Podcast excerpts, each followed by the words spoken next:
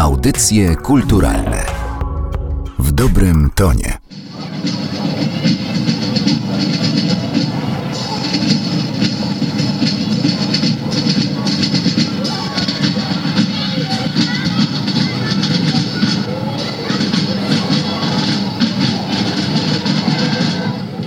Wolności o trwaniu polskiej tożsamości narodowej to monumentalna wystawa, którą na obchody setnej rocznicy odzyskania przez Polskę niepodległości przygotował Zamek Królewski. W audycjach kulturalnych rozmawiamy z profesor Ireną Kosowską i doktorem Łukaszem Kosowskim. Dzień dobry. Dzień dobry Państwu. Dzień dobry. 30 sal i już wiem, że to jest ponad połowa powierzchni Zamku Królewskiego. Niemal 500 dzieł sztuki, do tego jeszcze dochodzą fotografie, dokumenty archiwalne, autorskie materiały filmowe, autorskie materiały dźwiękowe. Ogromne wrażenie robi ta skala, ale właśnie kiedy pierwsze wrażenie mija, przyszły zwiedzający może się trochę poczuć oszołomiony. Zastanawiam się, jak sobie poradzić ze zwiedzeniem tak monumentalnej wystawy, tym bardziej, że Państwo bazują na wywoływaniu emocji i tak naprawdę każda sala, każdy temat, której ta sala jest poświęcona, takie emocje będzie wywoływać. Chyba trzeba spróbować rozłożyć tę wystawę jakoś na raty. Jaką Pani miałaby receptę? Można ją rozłożyć na raty, ale myślę, że najlepiej byłoby jednak przejść, idąc po raz pierwszy na tą wystawę całość, zorientować się, które fragmenty tej wystawy bardziej są dla nas atrakcyjne, czy ważniejsze pod jakimś względem i potem wrócić na tą wystawę. Zdecydowanie myślę, nie jest to wystawa do obejrzenia na jeden raz, właśnie ze względu na jej wielopoziomowość, bo gdybyśmy chcieli wysłuchać wszystkich ścieżek dźwiękowych, to potrzeba na to dobrych parę godzin, czy gdybyśmy chcieli obejrzeć wszystkie filmy w całości, na to też potrzeba sporo czasu. Dodatkowo, gdybyśmy chcieli przeczytać wszystkie teksty, które są zamieszczone na wystawie, a są to teksty kilku różnych rodzajów. Mianowicie są teksty wprowadzające do każdej sali ze wstępem historycznym i takim krótkim naszym esejem mówiącym o wyrazie, ekspresji danej sali, o relacji między dziełami sztuki a dokumentem w danej sali. Jest też siatka indywidualnych świadectw, która została rozproszona po całej wystawie, jak gdyby nałożona na główny dukt narracyjny wystawy. I to są zapiski, to są wspomnienia, to są notatki robione na gorąco świadków wydarzeń historycznych, wydobyte właśnie z różnych pamiętników, z korespondencji i tak dalej, które mają taki bardzo emocjonalny charakter, ale właśnie często odbiegające od tego głównego nurtu, można powiedzieć, narracji historycznej, która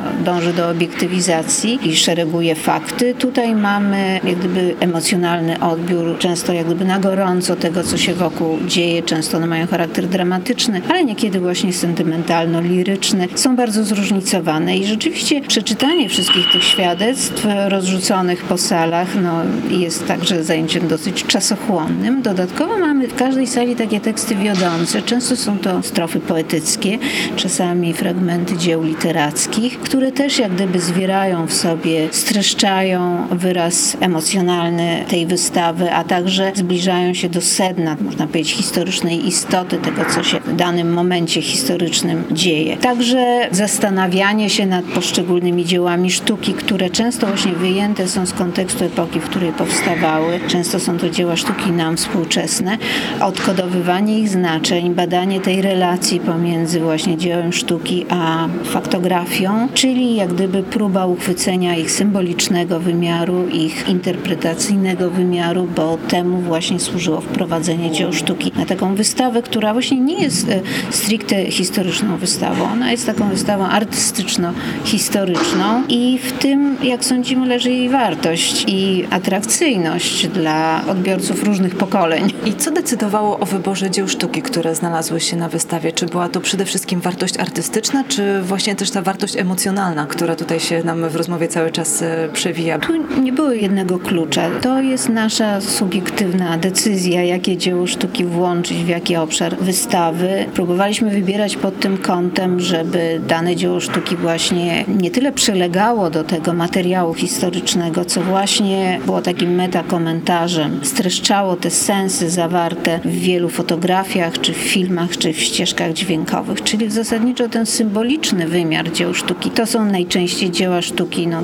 dużego kalibru, mają bardzo istotne walory estetyczne, ale jak gdyby nie o to w tej wystawie chodzi, bo to właśnie nie jest wystawa artystyczna sensu stricto, tylko to jest e, ta współpraca, to współgranie różnych wymiarów, jak gdyby no, interpretacji rzeczywistości, odczytywania sensu rzeczywistości. Stąd też zaproszenie do tej wystawy bardzo dużego grona współczesnych nam artystów, czy to w takiej bezpośredniej współpracy, czy też po prostu pozyskiwaliśmy ze zbiorów publicznych, muzealnych ich prace i właśnie one są niekiedy włączone na przykład w opowieść o dekadach międzywojennych, czy też wczesnego PRL-u, ale wydaje się, że idealnie pasują naszym zdaniem do tego fragmentu naszej historii. Przewodnikiem po wystawie, co jest e, bardzo autorskim pomysłem i mogło być pomysłem dosyć ryzykownym, jest e, Jan Matejko, ale on występuje tutaj nie jako artysta malarz, nie jako wybitny polski malarz, ale jako człowiek, który potrafił przewidzieć przyszłość, który analizował to, co się dzieje w kraju, który był historiozofem, wizjonerem. No tak, nieporozumienie może polegać na tym, że jeżeli ktoś traktuje Jana Matejkę jako wielkiego mistrza nurtu akademickiego, mistrza sztuki XIX-wiecznej, to nie bardzo jest powód, żeby Jan Matejko opowiadał najnowszą historię polskim, ale tak jak pani wspomniała, jeżeli traktujemy go jako historiozofa, jako, tak jak go określano za jego życia, proroka, wglądającego w głąb dziejów, jako wizjonera, jako twórcę wielkich płócien, które możemy traktować jako moralitety, wówczas już wolno nam, jak sądzę, wyjąć jego dzieła z epoki, z biegu czasu i prezentować je w zupełnie innych już momentach naszej historii, na przykład w latach 70.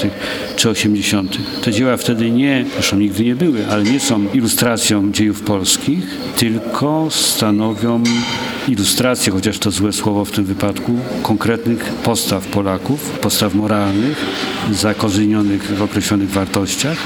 I te postawy moralne nie są już przypisane jakiemuś punktowi historycznemu, one się powtarzają i to chcemy pokazać. Tak samo Polacy zachowują się w kolejnych powstaniach, w kolejnych zrywach, tak samo zachowują się broniąc swojej godności osobistej czy niezależności, tak samo zachowują się budując po raz kolejny na ruinach i tak dalej, i tak dalej. I w tym sensie Matejko tu jest naszym narratorem, jest narratorem tej ekspozycji, ponieważ postawy Polaków są niezmienne. A jak rozumieć tytułowe znaki wolności? Znaki wolności, domyślę jeszcze znaki zniewolenia, dlatego że no, idąc po wystawie przechodzimy przez epoki dramatyczne, kiedy o wolność walczono, ale są też okresy, kiedy Polska się stabilizowała i to są lata międzywojenne, lata 20 i 30, chociaż tam też nie uniknięto konfliktów zbrojnych, szczególnie w latach dwudziestych, ale chcemy właśnie pokazać, jak w okresie pokoju, umiarkowanej przynajmniej stabilizacji, próbowano wydźwignąć kraj z ruin, tak jak I wojna światowa, a szczególnie grabieżcza polityka zaborców pozostawiła polskie ziemie no właśnie w stanie ruiny. Tak chcemy zaakcentować ten olbrzymi wysiłek, który całe społeczeństwo wkładało w to, żeby uczynić z II Rzeczypospolitej kraj nowoczesny A więc ten trend do modernizacji też próbowaliśmy uwypuklić na wystawie. I to jest dla nas jak gdyby właśnie symbolem, znakiem wolności, że w tych dekadach względnego przynajmniej spokoju właśnie ta praca bardzo intensywna, rzetelna, codzienna, ale także włączenie się w budowę państwa ludzi szalenie utalentowanych w różnych dziedzinach, także nauki, gospodarki, takich jak Eugeniusz Kwiatkowski, który się przyczynił do uprzemysłowienia kraju bardzo intensywnie intensywnego, a więc cały ten trud chcemy pokazać. Także okres wyzwolenia, można powiedzieć, czy uzyskania pełnych praw obywatelskich przez kobiety II Rzeczpospolitej i ich e, samorealizacja w różnych zawodach. Także wyzwolenie, można powiedzieć, sztuki jako takiej z tego obowiązku patriotycznego, której na niej ciążył od czasów romantyzmu i zainteresowania eksperymentami formalnymi, jak gdyby próbę nadążenia za tym, co działo się w dziedzinie sztuki na Zachodzie, więc to jest także znak wolności, prawda? No a potem to już rzeczywiście lata 40., 50., 60., aż do 80., no to jest kwestia walki na różne sposoby o pełną suwerenność. I tutaj pokazujemy też no, nie tylko te środowiska i tych ludzi, którzy no, zdecydowali się na działalność polityczną, ale także pokazujemy codzienność, właśnie codzienność PRL-u z jednej strony, strony, czasami bardzo taką szarą i siermiężną, ale też pokazujemy właśnie takie enklawy wolności jak hipisi, jak ich fascynacja przebojami e, na przykład Beatlesów. Pokazujemy współczesnych idoli, czyli właśnie takimi enklawami, gdzie ludzie no, czuli się przynajmniej względnie wolni. Czy też sztukę, kulturę lat 60., 70., na przykład Polską Szkołę Plakatu, gdzie mieliśmy wspaniałe osiągnięcia. To też była ta sfera, gdzie twórca mógł, chociaż działając w takich, a nie innych uwarunkowaniach, mógł czuć się wolny, przynajmniej w określonym wymiarze własnej twórczości. A czy jest e, jakiś obraz polski, który z tej e, wystawy wypływa? Czy oczekiwaliby Państwo czegoś jako kuratorzy od zwiedzających? Z czym oni powinni wyjść po zwiedzeniu tej całej monumentalnej przecież wystawy? Jakie pytania sobie stawiać? Na co szukać odpowiedzi? I czy znajdą je na wystawie? Odpowiedź jest chyba prosta. Tytuł wystawy brzmi Znaki Wolności, a podtytuł o trwaniu polskiej tożsamości narodowej. Czyli powinni sobie postawić, czy mogą sobie postawić pytania zasadnicze. Co to znaczy być Polakiem? Co to znaczy obronić polskość w różnych sytuacjach? Czemu warto być wiernym? Ale może tak zupełnie generalnie to, jak niesamowity dług wdzięczności mamy w stosunku do tych pokoleń, które doprowadziły do sytuacji, kiedy żyjemy tu i teraz w wolnym kraju. I to jest niewyobrażalne. Nawet znając jako taką polską historię, to właśnie na takiej wystawie można sobie uświadomić, jak duża była ta ofiara. To tysiące ludzi, które musiały zginąć w boju, które zostały pozbawione wszystkiego na skutek represji majątków, które zostały wygnane z własnego kraju na emigracji, na której nigdy się nie znalazły, nie egzystowały w pełnym tego słowa znaczeniu, nie żyły po prostu duchowo. I wreszcie, już mówiąc o ostatnich pokoleniach, tych milionach bezimiennych, nieznanych osób, które podjęły, jakby powiedzieć, totalny akt sprzeciwu wobec rzeczywistości komunistycznej.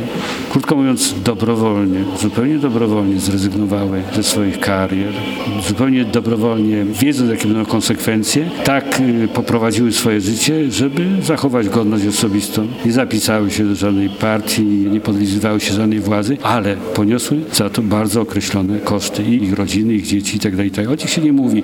Mówi się o spektakularnych akcjach, o opozycji itd. Tak to oczywiście słusznie. Natomiast ta wystawa ma być również hołdem dla tych tysięcy bezimiennych, wspaniałych ludzi.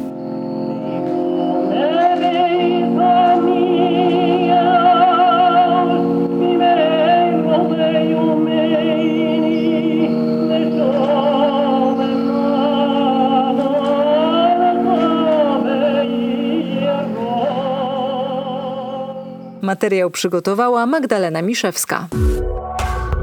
Audycje kulturalne w dobrym tonie.